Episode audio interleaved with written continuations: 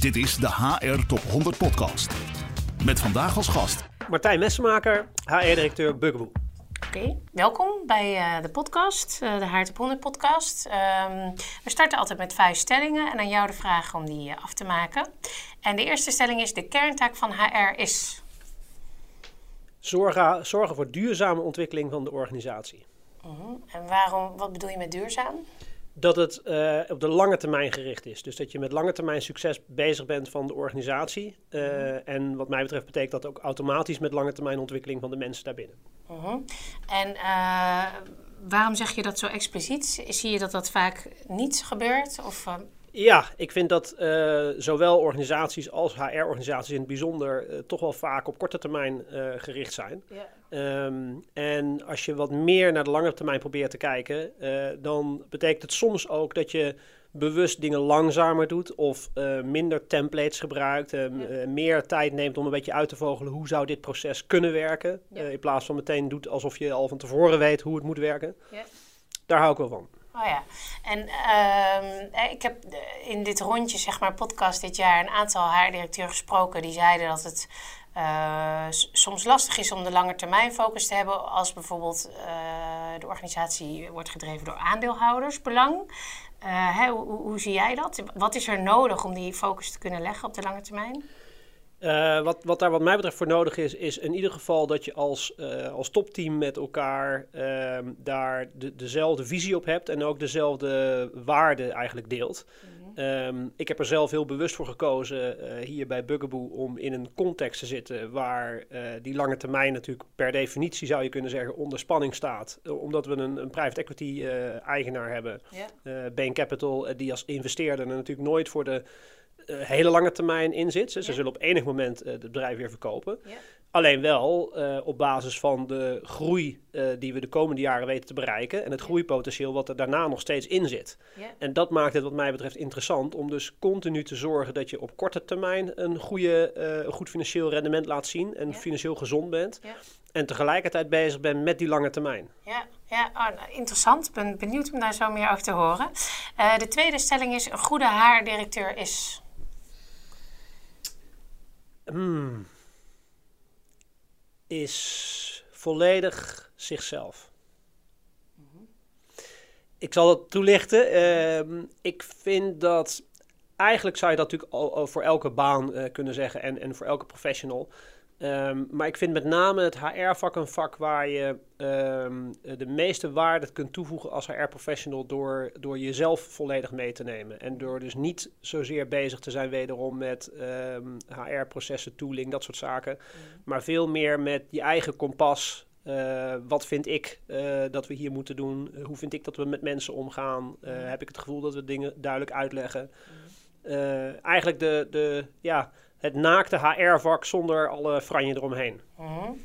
En hè, jezelf meenemen, dat betekent ook uh, iedereen is verschillend. Ja. Dus wat voor zelf moet je dan meenemen? Wat is dan belangrijk? Hè? Ik hoor bijvoorbeeld dingen als ethiek misschien of uh, integriteit. Of... Nou ja, dat vind ik het mooie. Ik zou zeggen de zelf die jij bent. Mm -hmm. um, en als jij dus heel goed weet wie jij zelf bent, dan kun je een organisatie zoeken die daarbij past. Mm -hmm. En als je jezelf in zo'n proces heel goed laat zien, kan de organisatie ook kijken of zij denken dat jij iemand bent die daar op dat moment past. Ja. Oké, okay, en dan is natuurlijk uh, een logische vervolgvraag: wie, wie neem jij mee? Wie ik meeneem is um, iemand die het uh, belangrijk vindt dat ook andere mensen in de organisatie uh, zichzelf kunnen zijn. Uh, dat we een, een organisatie creëren of hebben en behouden die, die een veilige omgeving is waar mensen zichzelf in kunnen ontwikkelen. Um, en, en daar kan ik nog een heleboel meer dingen over zeggen die aan de, aan de idealistische kant van dat spectrum zitten. Mm -hmm. Maar daar zou ik dan aan toevoegen, wel gecombineerd met dat de organisatie succesvol is uh, in wat de organisatie moet doen. He, dus in dit geval, uh, bij Bugaboo bijvoorbeeld, uh, hebben we een heel duidelijk groeiplan met een bepaalde winstgevendheid, waar ook een logica achter zit waarom we dat zouden moeten kunnen realiseren. Mm-hmm. Dat is dan wel de context waarin we mensen ontwikkelen, laten performen en zichzelf laten ontwikkelen. Ja, oké. Okay, dus wel aansluiten bij de business. Hè? Maar, ja. ja. Oké, okay, dank. de derde is het lastigste van ons vak is? Het lastigste van ons vak is dat eh, het geen wiskunde is. En daarbij bedoel ik, eh, er zijn heel veel situaties, misschien wel bijna alle situaties, waar niet een heel duidelijk goed fout eh, is en een heel duidelijk antwoord. Ehm, dus het gaat over mensen en je moet dus steeds kijken van hoe kunnen we het beste met een situatie omgaan. Hoe kunnen we de organisatie of een team hier het beste bijsturen. Is dit al het moment om bij te sturen of laten we het nog even, laten we ze het nog even zelf uitzoeken. Dat vind ik het lastigste en tegelijkertijd het mooie van het vak. En misschien ook wel aanvullend daarop dat iedereen daar een mening over heeft. Ja. En dat je zelf toch in de loop der tijd eh, je eigen zelfverzekerdheid moet meenemen. Dat jij al 10, 20 of 30 jaar in dat vak zit. eh, en die andere mensen in de directiekamer of de rest van de organisatie niet. Ja. Dus die kunnen hele waardevolle meningen daarover hebben. Maar jouw ervaring is daar inmiddels toch wel vaak een heel stuk eh, breder en groter. En dus ook waardevol. Ja, en, en dat is dus ook vrij naakt, hè, omdat je jezelf moet meenemen Exact. als ik jou hoor. Ja, Ja. Dus dan is het best exposed, zeg Ja. maar. Ja, ja. Mooi. Ehm, het laatste wat ik geleerd heb is... Het laatste wat ik geleerd heb is ehm, iets waar kennelijk een woord voor is, heb ik onlangs ontdekt. En dat heet detached involved. En waar dat op neerkomt is dat je een onderscheid maakt tussen jezelf in de rol eh, en jezelf als mens. En juist door dat wat ik net aangaf, ik het zo belangrijk vind om jezelf mee te nemen. Ja. En ik ook eh, dat eigenlijk altijd zo gedaan heb. Ehm, heb ik hier eh, de afgelopen maanden eh, gemerkt dat als er veel druk op een organisatie staat en de transformatie waar we in zitten, die is best taai, ehm, dan is het om daar zelf in te overleven en ook optimaal effectief te zijn.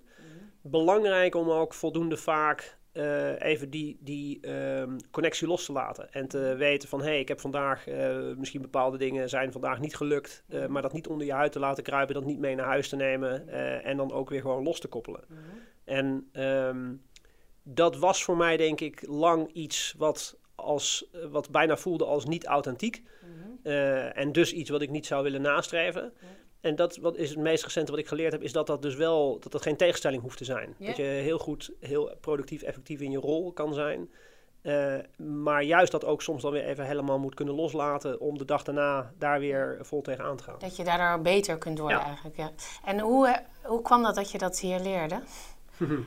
Eh, nou ja, door de druk. Eh, doordat het een, eh, een hele tan- traaie transformatie is waar we in zitten. We hebben Bain Capital, die is ehm, maart 2018 ingestapt. Vanaf september hadden we een nieuwe CEO. En pas de afgelopen maanden begint het directieteam compleet te zijn. Ehm, het is een organisatie met heel veel potentieel. Maar dat moet er nog wel uitgehaald worden. Daarvoor moet de hele organisatie anders gaan werken dan de afgelopen 20 jaar. Ehm, en als je dan tegelijkertijd die transformatie eh, nog moet vormgeven, mensen aan het onboorden bent en ook al eh, wil zien dat je topline groeit, ehm, dan is dat een spannende balans. ja, heel tegelijk. Ja. Ja. En hoe doe je dat, het loslaten? Wat heb je daarvoor nodig? Door goed voor mezelf na te gaan wat mijn eh, bronnen zijn buiten werk waar ik moet bijladen. En dat zijn voor mij eigenlijk vooral ehm, eh, sport en gezin. Eh, dus dat zijn ook de dingen waar ik dan, naarmate het nog drukker wordt, juist nog bewuster tijd voor neem. Ja, ja. Ja, ja, dus je stapt eigenlijk niet in de valkuil om maar door te gaan, maar je Nee. neemt bewust wat afstand. Ja. En wat voor sport doe je? Ik probeer eh, regelmatig te zwemmen, te lopen en te fietsen. Oh ja, dat zijn allemaal duursporten. Ja. Ja, ja, leuk. Ehm, en deze is, is, eh, ben ik ook benieuwd naar. Dat is de laatste. Werken gaat in essentie over. Werken gaat in essentie over jezelf ontwikkelen. Ehm, een bijdrage leveren aan iets groters door wat je kan. Dat hoeft niet meteen de hele wereld te zijn. Dat kan ook een organisatie zijn of een groep mensen. En het gaat natuurlijk ook gewoon over ehm, in je eigen levenshoud, eh, levensonderhoud eh, voorzien. Ja. ja. En eh, in die volgorde? Voor mij wel. En eh, dat is, is dat een luxe positie? Ja, dat denk ik wel.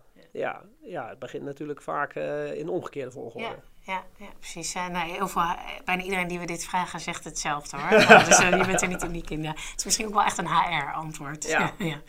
Ehm, zou je iets kunnen zeggen over Bugaboo, de organisatie en hoeveel mensen hier werken bijvoorbeeld? Ja, ik gaf dus net al even aan in welke transformatie we zitten. Ja. Eh Bugaboo bestaat 20 jaar. Ehm, was het eerste eh, destijds eh, kinderwagenmerk in de premium market. Ja. Dus met, met kinderwagens van 1000 euro en, en meer. Ja. Vrij snel wereldwijd ook succesvol door dat we het geluk hadden dat de kinderwagen in Sex and City werd gebruikt. Oh, ja, dat was dan... Dat was meteen, dat hielp. oh, Ehm, en in de eerste tien jaar zou je kunnen zeggen, waren we de creator van een categorie. Eh, sterk merk, sterke producten, eh, vanzelf succesvol. De tweede tien jaar was al taaier, eh, ontstond er eh, concurrentie, eh, kwamen er andere eh, kinderwagens op de markt, waar in ieder geval voor de consument het verschil Ja. eh, minder duidelijk eh, Ja. in was. Zoals Jules of zo, Ja. of dat soort... Ja, ik heb zelf kinderen, vandaar dat ik het allemaal weet. Ja. Ja, dus die ken je dan inderdaad. En, dat is, en per land is dat verschillend. Hè? Dus eh, Stokken en Cybex zijn eigenlijk Ja. de enige twee die ook vrij internationaal zijn. Oh ja. Silvercross bijvoorbeeld, eh, die komen we alleen in Engeland tegen. En een klein beetje in andere landen. Ja. Maar zo is het eigenlijk eh, nog helemaal geen eh, global markt. Hm. Ehm, en eh, de organisatie heeft zich eigenlijk maar beperkt aangepast aan die, aan die ontwikkelende markt. Ja. Ehm, dus het is nog steeds eigenlijk heel erg een design-led bedrijf. Nou ja, die transformatie zijn we dus nu aan het maken. Ja. Ehm, tegen een eh steile groeiambitie.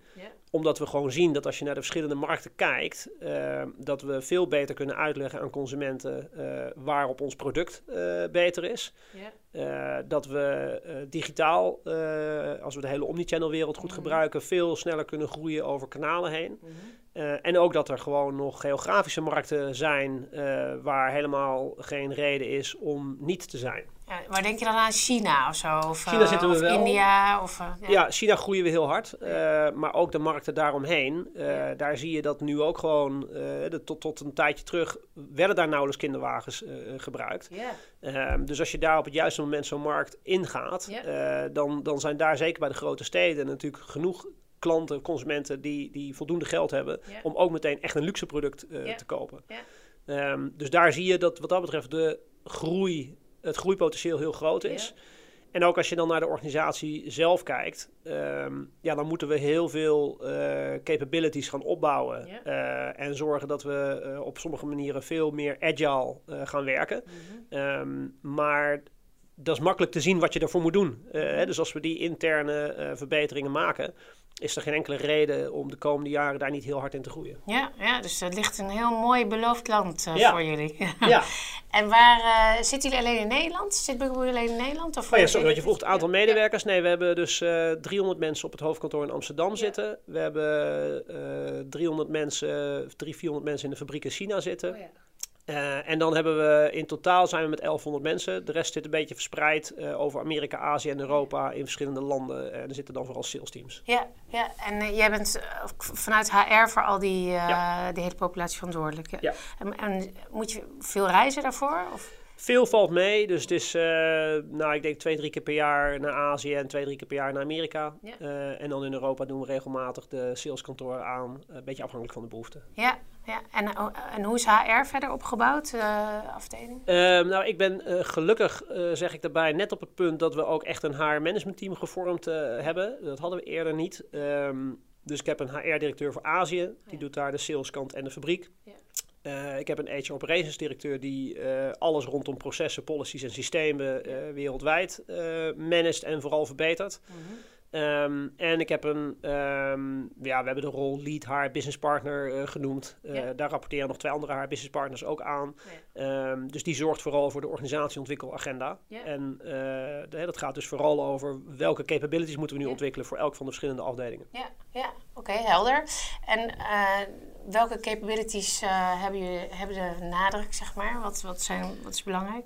Ehm, nou, het zal niet verbazen dat allereerst we naar de sales, eh, naar de commerciële capabilities aan het kijken zijn. Ehm, daar eh, hebben we inmiddels een heel ontwikkelprogramma eh, voor, voor neergezet.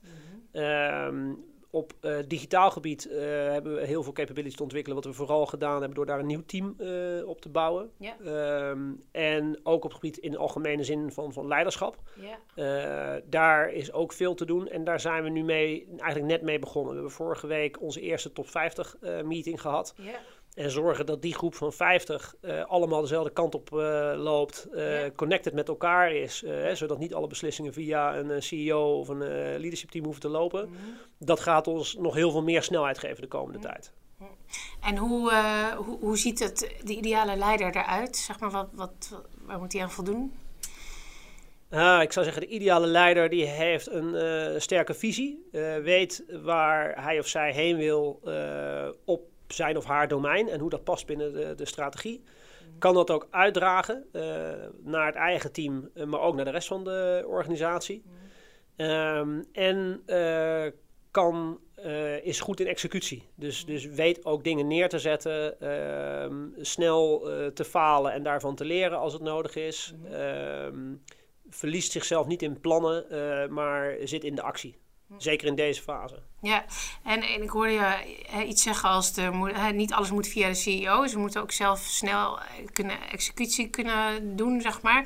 Hoe, wat is daarvoor nodig? Omdat, of moet je daar ook de organisatiestructuur op aanpassen? Of hoe, we hebben wat structuuraanpassingen gedaan, maar ik denk dat dat veel meer zit in um, mensen vertrouwen geven. Uh, en zorgen dat iedereen weet wat zijn bijdrage in het grotere geheel is. Mm -hmm. En daar hebben we afgelopen jaar al heel veel uh, aan gedaan. Mm -hmm. uh, maar daar kun je nooit genoeg aan doen. we hebben in maart eigenlijk voor het eerst een nieuwe strategie neergezet. Mm -hmm. um, dus ook al hebben we die inmiddels voor sommige mensen al tien keer uitgelegd. dat wil natuurlijk niet zeggen dat mensen op alle niveaus al vanuit zichzelf kunnen nadenken: wat kan ik nou doen om, om daaraan bij te dragen? Dus je ziet eigenlijk dat we ik zou zeggen, de stap, de fase gehad hebben waarin iedereen in ieder geval weet wat er bedoeld wordt met hetgeen wat door anderen bedacht is. We Mm. zitten nu in de fase dat iedereen zelf moet gaan bedenken wat hij dan uh, op zijn of haar stukje daarvoor uh, kan gaan doen. En daar ook soms uh, een andere mening over mag hebben en, en daar ook weer dingen kan gaan challengen.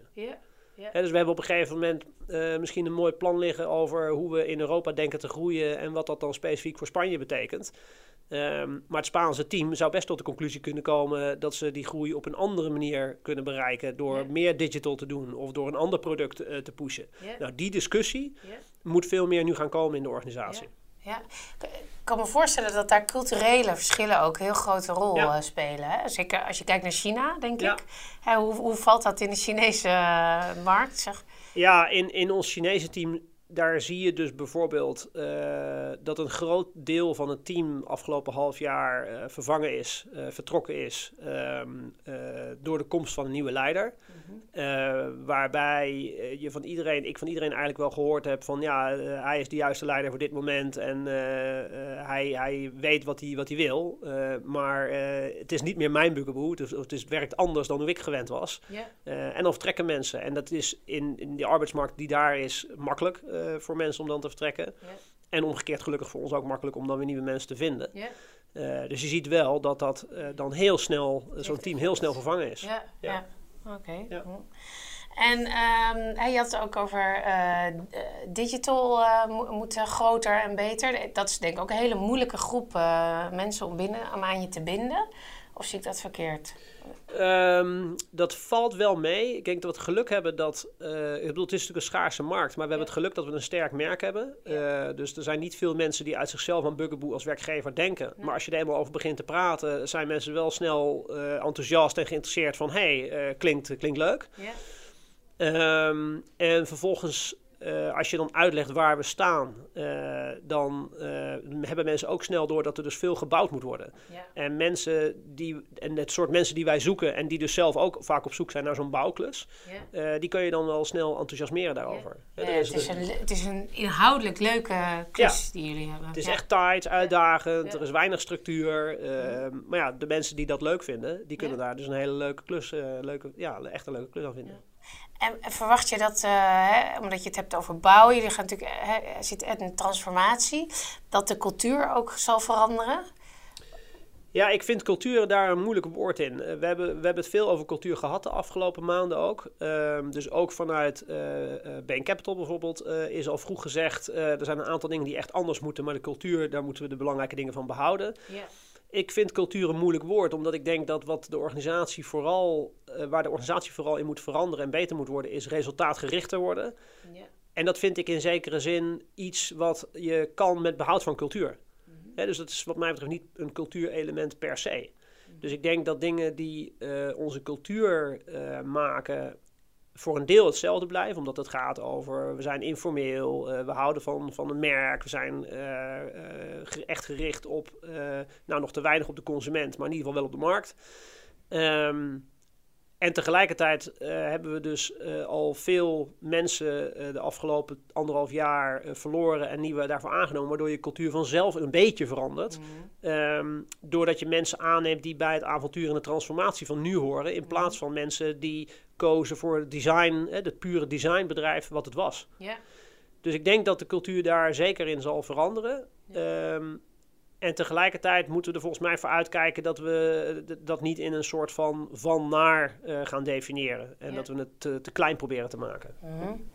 Omdat het kan ook. Het is ook een natuurlijk proces, ja. hoor ik jou zeggen. Ja. ja. Het hoeft niet zo gestuurd te worden misschien als je... Nee. Of kan misschien ook niet zo gestuurd worden. Nee, ik denk dat het, als we weten wat we uh, te doen hebben met elkaar... en daar de goede mensen bij zoeken... Uh, dan verandert het vanzelf inderdaad een beetje. Als gevolg van, in plaats van dat je er van tevoren op stuurt. Ja, Oké, okay, helder. En wat vind jij zelf de mooiste uitdaging hier? Waarom ben jij hier naartoe gekomen? Um, nou, vooral dat ik, dat ik zie welk potentieel er in de organisatie zit. Uh, ja, en dat er volgens mij uh, twee belangrijke plekken zijn waar we dat eruit moeten halen. In de markt en in de organisatie. Nou, dat commerciële stuk, dat is dan niet uh, mijn expertise. Mm -hmm. Maar hoe we meer uit de organisatie kunnen halen wel. Dus als dat over een paar jaar gelukt is en we zien de groei... Mm -hmm. Dan vind ik het gaaf om mijn bijdrage daarin terug te kunnen zien. Mm -hmm. los van of die voor anderen herkenbaar is. Ja, en, en wat, hoe zou je die omschrijven? Wat is precies jouw bijdrage? Um, dat heeft dan toch te maken met het vinden van de, de juiste balans uh, tussen, uh, laat maar zeggen, de, de harde dingen. Dus, dus de structuur, de roep om accountabilities, de, de vraag om goede targets neer te zetten. En tegelijkertijd de zachte kant, um, waarbij we soms teams het zelf moeten laten ontwikkelen. Of soms een team. Um, uh, juist geen duidelijkere verantwoordelijkheden te moeten geven en zeggen van jullie weten wat je te doen staat. Het, het maakt niet uit wie, wat in welke rol nodig is, maar doe het samen. Mm. En die balans te vinden uh, van verschillende teams, verschillende directieleden die allemaal hun eigen visie hebben op hoe je dat zou moeten doen, yeah. uh, dat, vind, dat vind ik mooi. Ja, Oké, okay, mooi. En um, ja, je hebt al een aantal rollen gehad in, uh, in HR. Dus je kent natuurlijk de wereld goed. Uh, wat, wat, vind je van de status van, uh, of de staat van HR in, op het moment? Ja, dat is altijd een moeilijke vraag. Ik kan daar eigenlijk niet zo heel veel over zeggen vanuit hoe bij heel veel bedrijven HR gebeurt. Want zeker ook de afgelopen jaren volg ik dat eerlijk gezegd weer een heel stuk minder. Ja. Um, als ik kijk naar de organisaties waar ik nu zelf de afgelopen jaren gezeten heb, dan waren dat eigenlijk heel bewust, uh, inclusief deze, dan drie keer organisaties na bol.com waar um, HR en ook organisatieontwikkeling eigenlijk nog op de agenda gezet moest worden. Mm -hmm. En ik heb zelf in ieder geval gemerkt dat ik dat wel een hele leuke uitdaging vind, mm -hmm. omdat je organisaties eigenlijk terugvindt op het punt waar bij de, bij de meer ontwikkelde of professionele organisaties, als je het zo zou kunnen zeggen, Um, daar, daar heeft HR en organisatieontwikkeling een, een bepaalde uh, nou ja, ontwikkeling doorgemaakt. De organisaties die ik nu heb gezien, die hadden dat nog niet. En dan vind ik het leuk om te kijken welke fases in die ontwikkeling kun je dan overslaan. Ja. Hoe kun je meteen iets neerzetten wat van enerzijds van deze tijd is en waarvan je nu met elkaar zegt, ja, zo, uh, zo zou je het willen organiseren. Mm -hmm. En aan de andere kant zijn er ook gewoon, uh, is er ook gewoon een aantal HR basics. Yeah. Waarvan je merkt, ja, die heb je, daar heb je ook behoefte aan. Yeah. Uh, toen ik bij bol.com begon, zijn we toch ook gewoon met een functiehuis begonnen. Yeah. Terwijl je daar ook heel veel over leest. Het kan allemaal zonder. Ja, om per situatie te kijken van wat is hier nodig en wat helpt daarbij. En dan soms gewoon de basic HR tools te pakken ja. uh, als dat nuttig is en het niet zelf opnieuw te willen uitvinden, vind ik leuk. Ja. En het soms overslaan omdat het helemaal niet nodig is en het ook zonder kan, ja. is ook leuk. Ja. Dus je zegt daarmee eigenlijk ook een beetje dat elke hè, fase van de organisatie misschien een andere HR-directeur vraagt. Ja, dat denk ik zeker. Ja.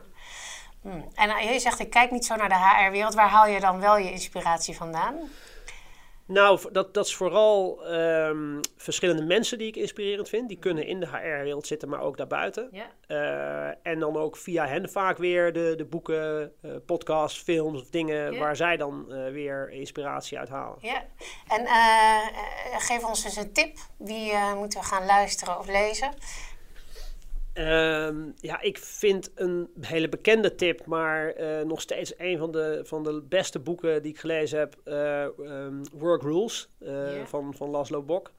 Ehm, wat ik ook een hele goede vind, vond ik Beyond HR van Boudreau. Is al behoorlijk oud, maar het gaf mij eigenlijk eh 15 jaar geleden toen ik het las een goed zicht op... Oh, daarom staat HR waar, waar we staan. Daarom staan we met elkaar in het vakgebied waar we staan. Ehm, ja, goed. En het boek waar ik dus nu net eh, aan begonnen ben, daar kan ik nog, nog weinig eh, over vertellen. Dat gaat dus over het, eh, ja, over dat onderscheid maken tussen jezelf als, als persoon en professional. Ja, ja oké. ja, dus daar moeten we eigenlijk wel over Moet terugkomen. wachten, Ja. ja. moeten we over een tijdje weer terugkomen om het jou te vragen. Ja. Ehm, en hè, stel, we, dat is misschien een mooie afsluitende vraag. Stel, we komen hier over twee jaar terug. Wat, eh, wat treffen we dan aan? Ben je er dan überhaupt nog? Eh, Of ben je dan aan de volgende klus? Eh, En wat, heb je dan, wat staat hier dan? Ja, nee, dan, eh, dan ben ik er nog. Dan ehm, voel je in het hele pand nog veel meer buzz en energie dan nu. Ehm, dan is er geen stress meer over resultaten. Want dan zien we inmiddels dat we op een stabiel groeipad zitten. Zijn we bezig met hoe kan die groei in de toekomst, eh, hoe, hoe kunnen we die groei bijhouden? Eh, en waar, waar, zit, waar, zit de volgende, waar zitten die volgende gebieden? Ehm, ja, en ik denk dat je dan eh, heel veel mensen ziet die, of ik hoop dat er dan heel veel mensen zijn die, die kunnen antwoorden op de vraag waarom zit je hier nog, die dan een antwoord hebben wat te maken heeft met wat zij in zichzelf aan het ontwikkelen zijn. En dat dat de belangrijkste reden voor hen is om nog in deze rol op dat moment in Bugaboo te zijn. Ja, dus dat ze zichzelf kwijt kunnen Ja. in, de, in de organisatie. Mooi, dankjewel. Is er nog, hebben we nog iets gemist?